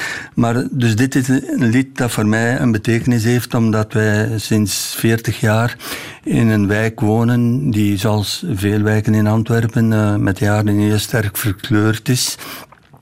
En dat wij van in het begin uh, ons heel hard hebben uh, gesolidariseerd met de eerste generatie migranten die daar naartoe gekomen was. Dat is de draaiboom hè, in Hoboken? De draaiboom, uh, Kleine Heide in Hoboken, daar wonen wij. Hè. Daar woon je in een huurappartement? Ja, in een huurappartement. Dus daar zijn wij in 1979 kunnen gaan wonen. Ja, dus zoals gezegd, ik had een heel bescheiden loon en kwam uh, voor die inkomensgrens in aanmerking. Mijn vrouw was omwille van mijn ideologie in een katholieke normaalschool na twee jaar lesgeven afgedankt. Stel u voor, beroepsverbod. Dus, en wij, wij wilden daar ook wonen, omdat we die levensomstandigheden van de mensen wilden delen. En uh, dat is een hele goede keuze geweest. Wij, wij wonen daar heel goed ook, uh, met heel die verkleuring, die mensen die weten wat wij uh, voor hen gedaan hebben ook. En al, uh, als het nu hè, offerfeest gaat, suikerfeest gaat zijn, of offerfeest, of als onze Soedanese buur begint een barbecuen, dan zeg ik al tegen mijn vrouw, vandaag zullen we geen eten moeten maken, straks staan ze hier op de venster te kloppen. En, maar dus, ja, ik krijg ook zo nog af en toe ja, briefjes van uh, jonge vrouwen, uh, jonge geëmancipeerde vrouwen die nu al in de veertig zijn en die vertellen. Allee, ik, dat was een heel mooi verhaal. Die zegt: Ik ben met mijn moeder vanuit de Kapelstraat in Hoboken naar jullie praktijk gegaan in de jaren zeventig. Vergeet het nooit, het leek ons een wereldreis. Mijn moeder sprak geen Nederlands. Ik moest op, als zevenjarige op elke hoek de weg vragen naar die praktijk. Hè. Wij vergeten nooit wat jullie voor ons gedaan hebben. Dus we hebben nooit een onderscheid gemaakt tussen uh, de origine van de mensen. Maar dus dan hebben wij spijtig genoeg in die gemeente waar wij zoveel steun hadden, ook van autochtone arbeiders, uh, gezien allee, dat het Vlaams blok daar toch impact kreeg. Op een bepaald ogenblik hebben ze daar zelfs 44% gehaald in uh. Dat was ook omdat zij konden op het feit dat daar heel veel mensen eh, getroffen geweest waren door dat faillissement van uh, die scheepswerf Coquilliards, waar toch duizenden mensen goed hun boterham verdienden en al. En dus zij staken dat dan allemaal op de migranten. Uh, wij zijn ons daartegen blijven afzetten. En dus dan heeft dat lied mij dikwijls geholpen, hè, om aan de mensen uit te leggen, kijk eens, wij als werkende mensen, hè, wij zitten allemaal in dezelfde boot, wij zijn wij één familie. En wat we Vlaams Blok hier probeert te bereiken door uw problemen, gelijk de werkloosheid, door dat te schuiven op gastarbeiders die nota bene door de patroon zelf worden binnengehaald, hè, dat is... Hè, te zorgen dat de ene slaven de andere slaven de schuld uh, geven. En dat er verdeeldheid is en dat verzwakt ons en dat maakt ons mogelijk hè, dat we die grote rijkdom die van boven zit, dat die gebruikt wordt om iedereen vooruit te helpen. En dat heb ik ook geleerd van iemand gelijk een Jan Kap die zegt racisme, dat is de mensen leren naar beneden stampen. Hè? Terwijl wij in feite moeten stampen naar die kleine 1% die absoluut niet wil dat er hier een eerlijke verdeling komt van de, van de rijkdom. En uh, dus ook wat daarin staat, hè, ga er eens vanuit, zijn juist zo'n proleten gelijk ik. Laat er ons geen vreemde van maken. Laat ons samen vechten hè, voor een betere toekomst voor iedereen. En dat is met de middelen die vandaag er zijn perfect mogelijk. Jij bent altijd bijzonder consequent gebleven, hè? die 50 jaar lang. Maar toch zijn er mensen vanuit jouw generatie die de ruk naar rechts hebben uh, gemaakt. Hoe verklaar jij dat? Ja, goed, dat, uh, dat is altijd zo geweest. Uh, dat er een aantal mensen zijn die hun, ja, hun idealen niet volhouden. Eh, voor mij is dat niet, en mijn eh, kameraden, want ik wil niet voor mezelf alleen spreken, is dat eigenlijk ni- niet moeilijk geweest. Als je als huisdokter eh, onder de gewone mensen elke dag komt, je gaat naar fabrieken, bedrijven, je gaat naar betogingen, gewoond in een sociale woningwijk. Dus alle dagen word je geconfronteerd met problemen, met vragen van de mensen, waar dat je ook dankzij de organisatie die je achter je hebt iets kunt doen. En ja, die, die stimulans die is, is er duidelijk. Ik heb er ook een hoofdstuk over geschreven, dan ook zuurstof. Hè. En door de keuzes die wij gemaakt hebben, eh, hebben wij die zuurstof kunnen krijgen, eh, is die motivatie eh, echt van, vanzelf kunnen blijven. Ik denk mensen die dan eigenlijk meer, ja... louter en alleen in, in ja, de academische of de, een andere wereld terechtgekomen zijn en zo, en die niet die band hebben kunnen onderhouden. Er zijn er die dat ook eh, realiseren hoor, want eh, ik wil daar niet uh, uh, laatdunkend over doen, maar dat dat moeilijker is voor hen. Ja, hm? Maar je hebt toch behoorlijk wat opgeofferd. Hè? Is het allemaal de moeite waard geweest, vind je? Ja, ik, ik vind dat ik vooral veel gekregen heb en, en veel dankbaarheid ook en zo. Dus ik word af en toe op mijn ideologie uh, op Facebook aangevallen, waar ik uh, heel actief ben. En dus da, dan krijg ik dikwijls steun, zo, zowel van mensen van autochtone origine, er is, werd ik eens aangevallen. En dan schreef een vrouw, die de dochter uh, is van iemand die patiënt van ons geweest is. Uh, een invalide scheepshersteller die al heel vrij jong gestorven is, maar die toch nog een jaar met ons voor geneeskunde voor het volk aan al die acties heeft kunnen meedoen. En die antwoorden die man wil zwijgen met die mensen aan te vallen. Hè. Ik zal nooit vergeten hoe die onze ouders, eenvoudige arbeiders die invalide waren, hoe die hun waardigheid hebben teruggegeven. Hm? En ik heb iets gelijkaardig en ja, dat, vind ik cadeaus, zo'n dingen. Hè. Dat zijn geen offers, dat zijn grote cadeaus. Een paar jaar geleden, zo, uh, het was verkiezingstijd, maar het was ook staking aan de spoorweging. En ik kom aan een piket. En de Liberale Vakbond die had daar uh, in Berchem nogal veel uh, militanten van allochtone origine, zo dertigers en al. En die secretaris begint met mij te discussiëren. Ja, maar ja, de PvdA, die, die hebben toch niet veel macht en dit en dat.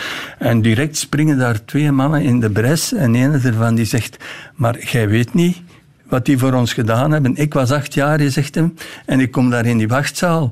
En ik zie daar hangen, arbeiders, migranten, één strijd, één front. Gelijke rechten voor migranten. Je zegt, en buiten hoorde ik altijd maar gekap op ons. Hè. Dat was het hoogtepunt van het Vlaams Belang in dat tijd. Als ik dan zoiets hoor, dat die mensen dat op die manier, dat we daaraan bijgedragen hebben, ook om, om dat Vlaams Blok tegen te houden. Hè. Als die nooit in een district in Antwerpen zijn kunnen doorbreken, Oboken was een doelwit nummer één, dat is dankzij het feit dat wij ook bij de uh, mensen van autochtone origine uh, nog heel veel vertrouwen hadden. En ook, zelfs al waren ze wat gevoelig aan al die agitatie tegen de vreemdelingen en profiteurs en dit en dat. En, hm, ja, dus dat ze, door het contact met ons, dat we dat toch voor een deel uh, hebben kunnen weerleggen en, en heel velen zelfs ook solidair kunnen maken met die mensen. Als er iets is wat een mens echt gelukkig kan maken, dan is het engagement, zeggen ze. Ja, dat, daar, dat, dat, klopt, daar ben ik van. Daar, ja. daar, ben ik van overtuigd, ja. Dat is ook in jouw leven zo, hè? dat is ja, duidelijk. Ja.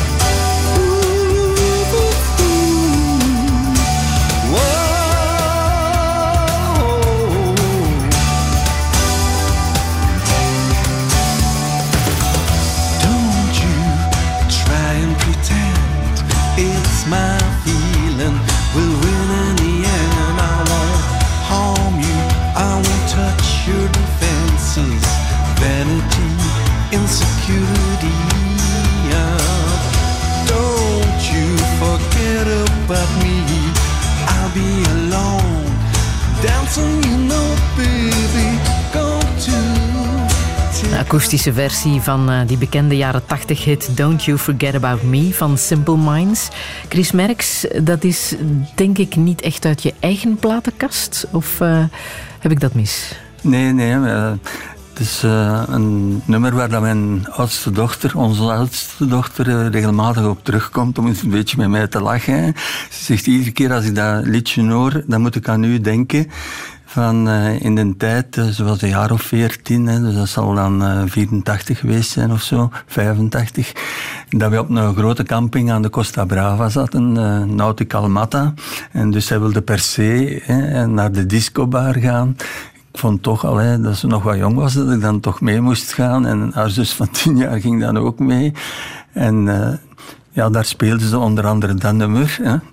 Eh, en ze, eh, ze zegt iedere keer als ik dat nummer hoor, dan moet ik daaraan terugdenken dat jij toen, hè, als oude vent, zo beschouwde ze mij toen al, probeerde mee te dansen. Ik dacht dat ik alleen maar had proberen mee te dansen op Ticket to the Moon, maar volgens haar was het ook dit nummer. Dus. Maar het is misschien ook met een dubbele betekenis. Hè? Don't you forget about me. Vergeet mij ook niet. Want hoe was het voor jouw dochters om op te groeien met militante ouders? Ja, zij maken er eigenlijk eh, wel een positief bilan van. Hè. Dus wij hebben in die eerste eh, 10, 15, 20 jaar dan waren wij hyperactief. eh, soms iets te veel activisme. Maar wij waren heel goed omringd met allemaal mensen, eh, arbeidersgezinnen, gezinnen van patiënten en zo, die die opvingen. Eh, onze oudste dochter die heeft toen ze in haar eerste jaar bedrijfsvertaler tolk zat, als opdracht zo eens moeten haar jeugd beschrijven. En dat hangt bij ons nog altijd eh, in onze werkkamer bij mijn vrouw en mij. Ze geeft daar eigenlijk een, een heel positief bilan van. Eh, ze beschrijft dan ook hoe dat ze altijd opgevangen werd door eh, de vrouw van... een, eh, een draaier op eh, de scheepswerf. Hè. En dat ze zo geïntrigeerd was, die was een vinger kwijtgespeeld. En, eh, hè, door het feit dat hij een, een, stomp had en zo. Ah, En ze heeft ons ook eens veel of, ah plezier gedaan. Ze vertelde gewoon eens dat ze, ze is ook actief geweest dan in de kinderbeweging van, eh, die zo wat aansluit bij de Partij van de Arbeid, de Pioniers. En daar was dan die discussie eh, zo met andere kinderen van militanten, van dat dat toch lastig was, ouders die dikwijls s'avonds zo weg waren en wat weet ik allemaal. En ze zei, ja, eh, allee, ik had achteraf toch het gevoel, en ik heb gezegd, ja kijk, ik ben ik toch een gelukkig partijkind geweest. Maar dus dat was vooral door de steun die we gehad hebben, en ook omdat we toch wel gezorgd hebben, ja, dat we ook ons deel deden. Hè, en naar school brengen, afhalen, eh, dat was dan soms wel op de limiet van de nabewaking om zes uur. Om zes uur. Eh, maar, en ook altijd gezorgd dat we elk jaar toch goed op vakantie konden gaan. En, Wat is er ondertussen van hen geworden, van jouw twee dochters? Ja, ons, onze oudste dochter, eh, die heeft eerst bij de standaard boekhandel gewerkt, maar die heeft daarna toch, hoewel ze er minder mee verdiende, ervoor gekozen om in een eh, progressieve boekhandel te gaan werken, de Groene Waterman in Antwerpen, waar ze daar nu toch al 22 jaar eh, werkt. Dat is niet gemakkelijk. Hè. Je moet tegen al die bolcoms en fnaks van deze wereld eh, opknokken, maar ze schijnen toch literair en ook op andere vlakken eh, genoeg kwaliteit te kunnen leveren, omdat met al die gemotiveerde vrouwen die er zijn, want het is een complete vrouwenzaak, op één man na nu opnieuw, ja. Eh, om dat daar recht te houden. En dan, ja, onze jongste dochter, eh, die is eh, ja, een beetje in mijn voetsporen eh, getreden. Uit eigen wil volledig, eigenlijk op twee vlakken. Die is ook eh, huisarts geworden. En eh, die is dan in 1999 was haar beroepsopleiding. hè. Dus na haar studies moet je zo twee jaar huisarts in beroepsopleiding volgen. Dat was het laatste jaar gaan doen in een praktijk van ons in Marcinelle, Charleroi. Maar die arts die daar toen werkte en die dat opgericht had, die had toen besloten van eh, weg te gaan en eh, eh, zelfstandig te gaan werken. En ik herinner me nog altijd, het was in vakantie, we zaten in Bretagne op een camping, dat ze mij in een telefooncel opbelt en zegt, pa, ja, die gaat hier nu weg. maar ik ga hier blijven, zegt ze. Hm. En dat overnemen. Het emotioneert jou. Ja, ja, ja. Ze heeft wel de locatie gekozen, hè? een van de meest verpauperde steden van het land. Om Ja. daar te werken als... eh, Maar eh, alleen, dus ze houdt van Antwerpen, maar ze voelt zich er heel goed. En eigenlijk zei ze na een aantal jaren, ik ben in feite wel blij. Want wat haar stoorde in Antwerpen in die tijd, dus dat was 99, 2000 en zo, dat was die verzuring die het Vlaams Blok teweegbracht. Dat ge- gekap op, op die migranten, op, die ook mensen zijn gelijk wij. Terwijl je in Charleroi, ja, daar heb je een lange traditie van migratie, van Vlamingen, van Italianen, van Turken en wat weet ik. En dat is zo'n warme sfeer. En ze heeft zich er eigenlijk heel goed in, in geïntegreerd. Eh, ja, ze is ook gemeenteraadslid van de PTB, die daar althans in de peilingen nu hoge toppen scoort. Eh, dus heeft wel een druk leven, maar eh, ze, ze voelt zich er heel goed bij. En wij zijn blij dat we haar dan ook af en toe eens wat kunnen gaan helpen eh, met haar, als haar man die één keer per maand eh, of twee keer per maand drie dagen naar de London School for Economics voor zijn werk aan de universiteit moet gaan werken, dan gaat vooral mijn vrouw, ik soms ook, eh, is meehelpen voor de opvang van de kinderen die nu ondertussen al eh, vrij groot geworden zijn. De oudste is 15 jaar. ah, zes kleinkinderen, hè? Zijn Zes kleinkinderen, ja, ja. De anderen die wonen in Oboken, eh, dicht bij ons. eh allee, de twee jongsten toch nog van onze oudste dochter. Dus die zien we ook regelmatig. Ja. Vertel die wel eens over de seksuele revolutie en hoe jij die hebt beleefd in de jaren zestig aan je dochters en aan de kleinkinderen? Eh, eigenlijk, ik hoef hen dat niet te vertellen. Ja, die zijn ook al, hè, dat is al de tweede generatie. De, onze kinderen die zijn al opgevoed in een heel vrije geest en zo, waarin dat daar op maar dat hoe was dat voor jou taboes, in de eh, jaren hè? 60, die seksuele revolutie? Want je studeerde geneeskunde, je hebt de introductie van de pil ja, echt van heel dichtbij kunnen volgen. Ja, ik moet zeggen, ja, dus eh, die taboes en zo, dat heeft tot in het eh, eerste, tweede jaar geneeskunde op, op mij invloed gehad. Hè. Ehm, nu moet ik zeggen, dan, ik ben eigenlijk, ehm, dus ik respecteer mensen met religieuze overtuigingen en ten volle, hè, zeker als ze daar ook nog wat motivatie uithalen om eh, zeer sociaal geëngageerd te zijn. Er zijn er ook genoeg bij ons in de partij, eh, zowel christenen, moslims, protestanten, noem maar op. Eh, maar ik zelf, ik ben agnost geworden eigenlijk, voor ik links geworden ben in het derde jaar geneeskunde. Dan hadden wij een prof die vergelijkende anatomie gaf.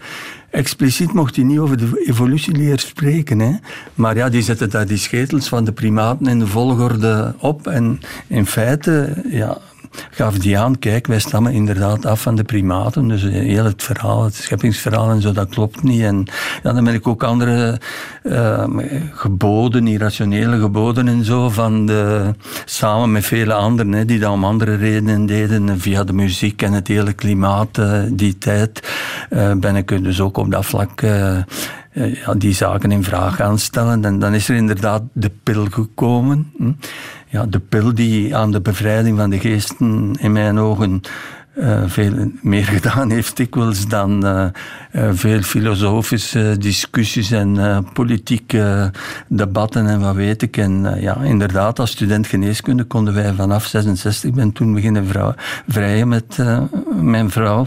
En eh, konden wij aan de pil geraken bij vertegenwoordigers. En we hebben die dan ook gebruikt. Heb je ze ook zelf snel voorgeschreven? Was dat een, eh, een discussie of ging dat vrij, eh, vrij vlot? Nee, dat, dat was eh, absoluut eh, geen... ah ja, dat is nogal evident als je het voor jezelf gebruikt en eh, dat je het dan ook aan anderen geeft. Ja, ook, ook altijd tijdig en ook andere middelen aanbevolen aan, aan de jonge patiënten die wij binnenkregen. Dat was niet zo evident in het begin van de jaren 70. Af en toe krijg ik zo ook via Facebook nog eens... Jij hebt mij nog de pil voorgeschreven als ik 14 jaar was of als ik 15 jaar was. En, hm. Nu goed, eh, ik zeg eh, ook omdat ja, uw, visie veranderd was, zijt je alerter voor andere dingen. Bijvoorbeeld ook met het probleem van de medische zwangerschapsonderbreking.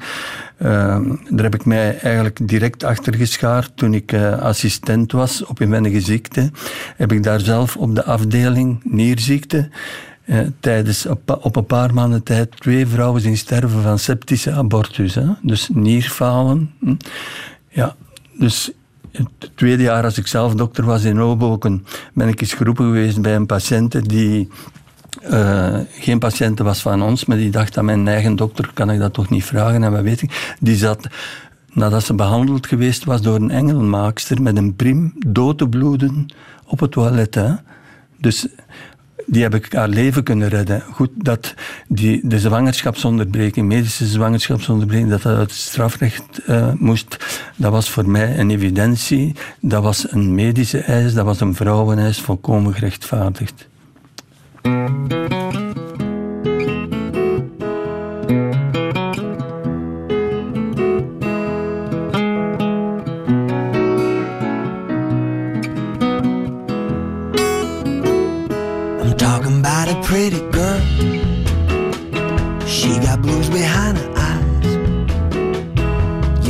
Think that sadness and beauty is an unexpected combination.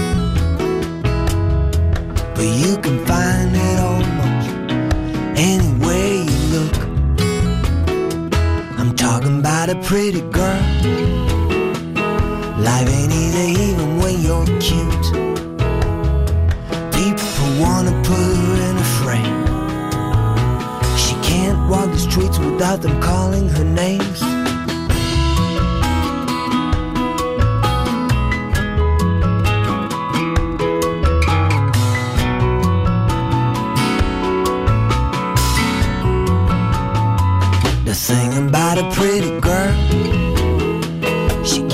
Something people crave. She's like a promise someone broke.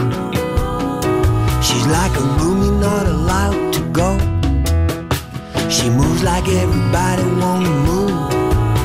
She looks like everybody wanna look. I'm talking about a pretty girl. Boys don't leave her on her own.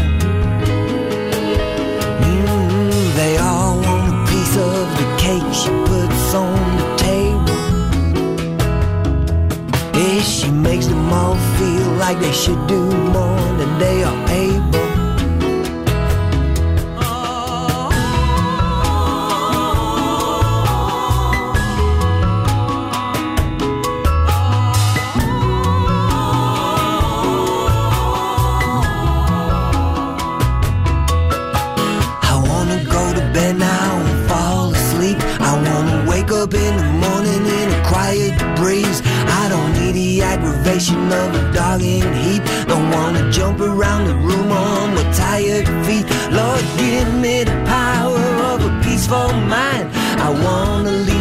Rusty ideas behind. Daddy, teach me about love and sensitivity.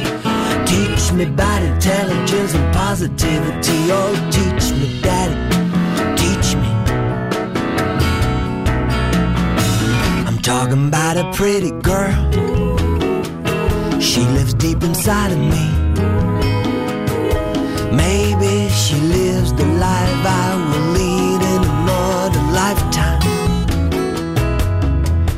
Maybe I got a little taste of being free.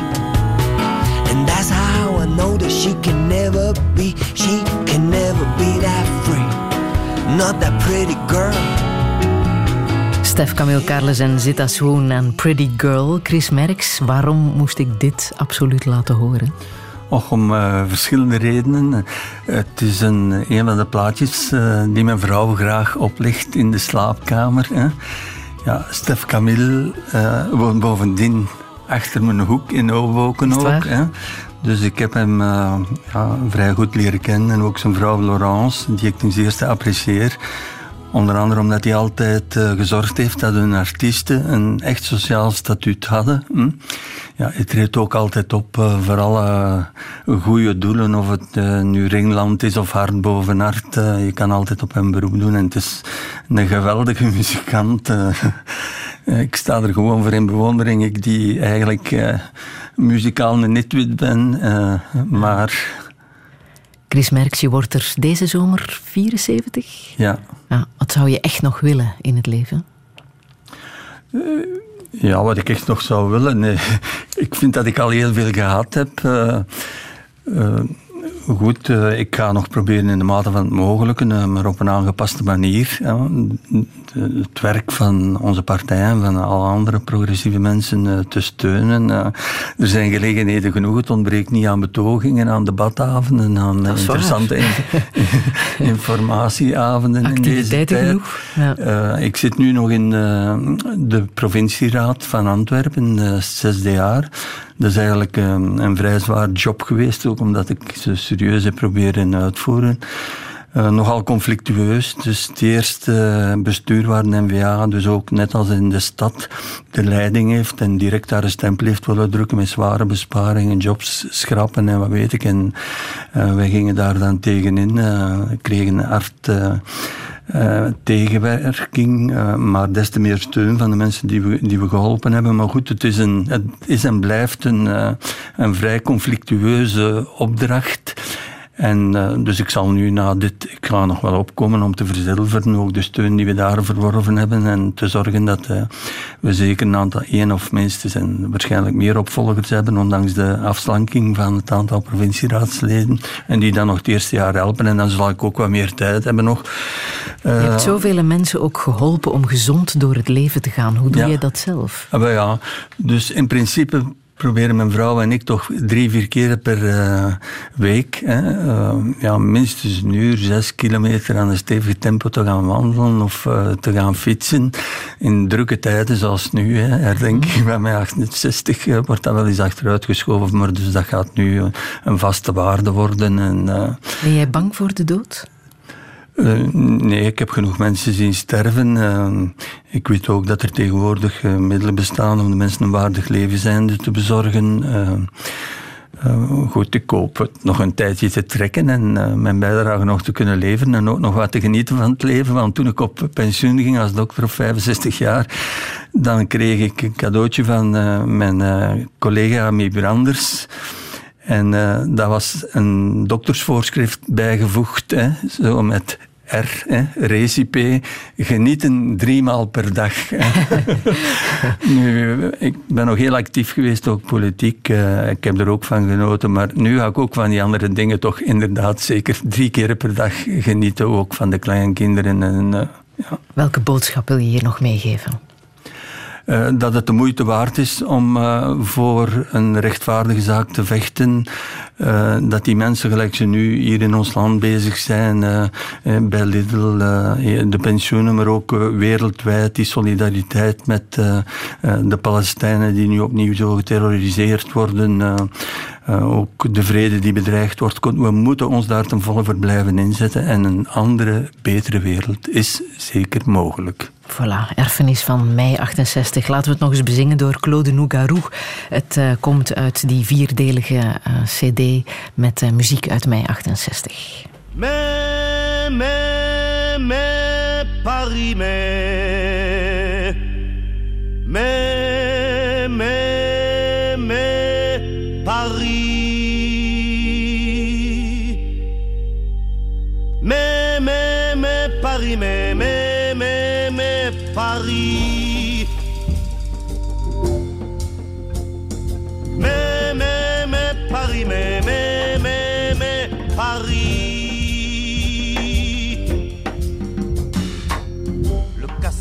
Pavés ne bouge plus d'un cil.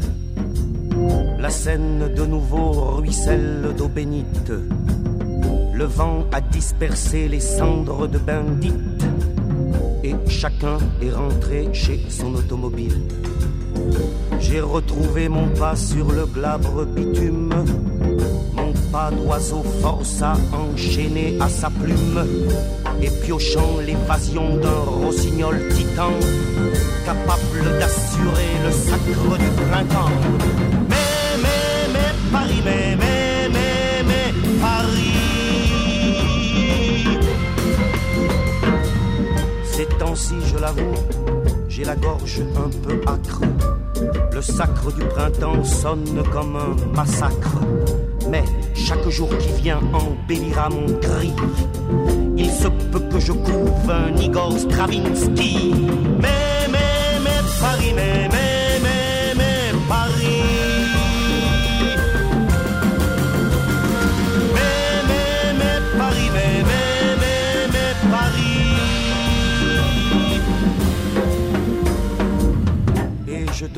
Paris dans mes bras pleins de zèle. Sur ma poitrine, je presse tes pierreries. Je dépose l'aurore sur tes tuileries, comme rose sur le lit d'une Paris Mei van Claude Nougaro. Het staat dus op die vierdelige cd met muziek van mei 68, die ik jou met plezier cadeau doe. Chris Merks, dankjewel voor het fijne gesprek. Alle info staat zo meteen na te lezen op radio1.be. Daar kan je ook de uitzending herbeluisteren, zoals de vorige mei 68ers, Chantal de Smet en Paul Goossens. En volgende week is er de laatste mei 68er en dat is journaliste Michou Verleijen. Radio 1.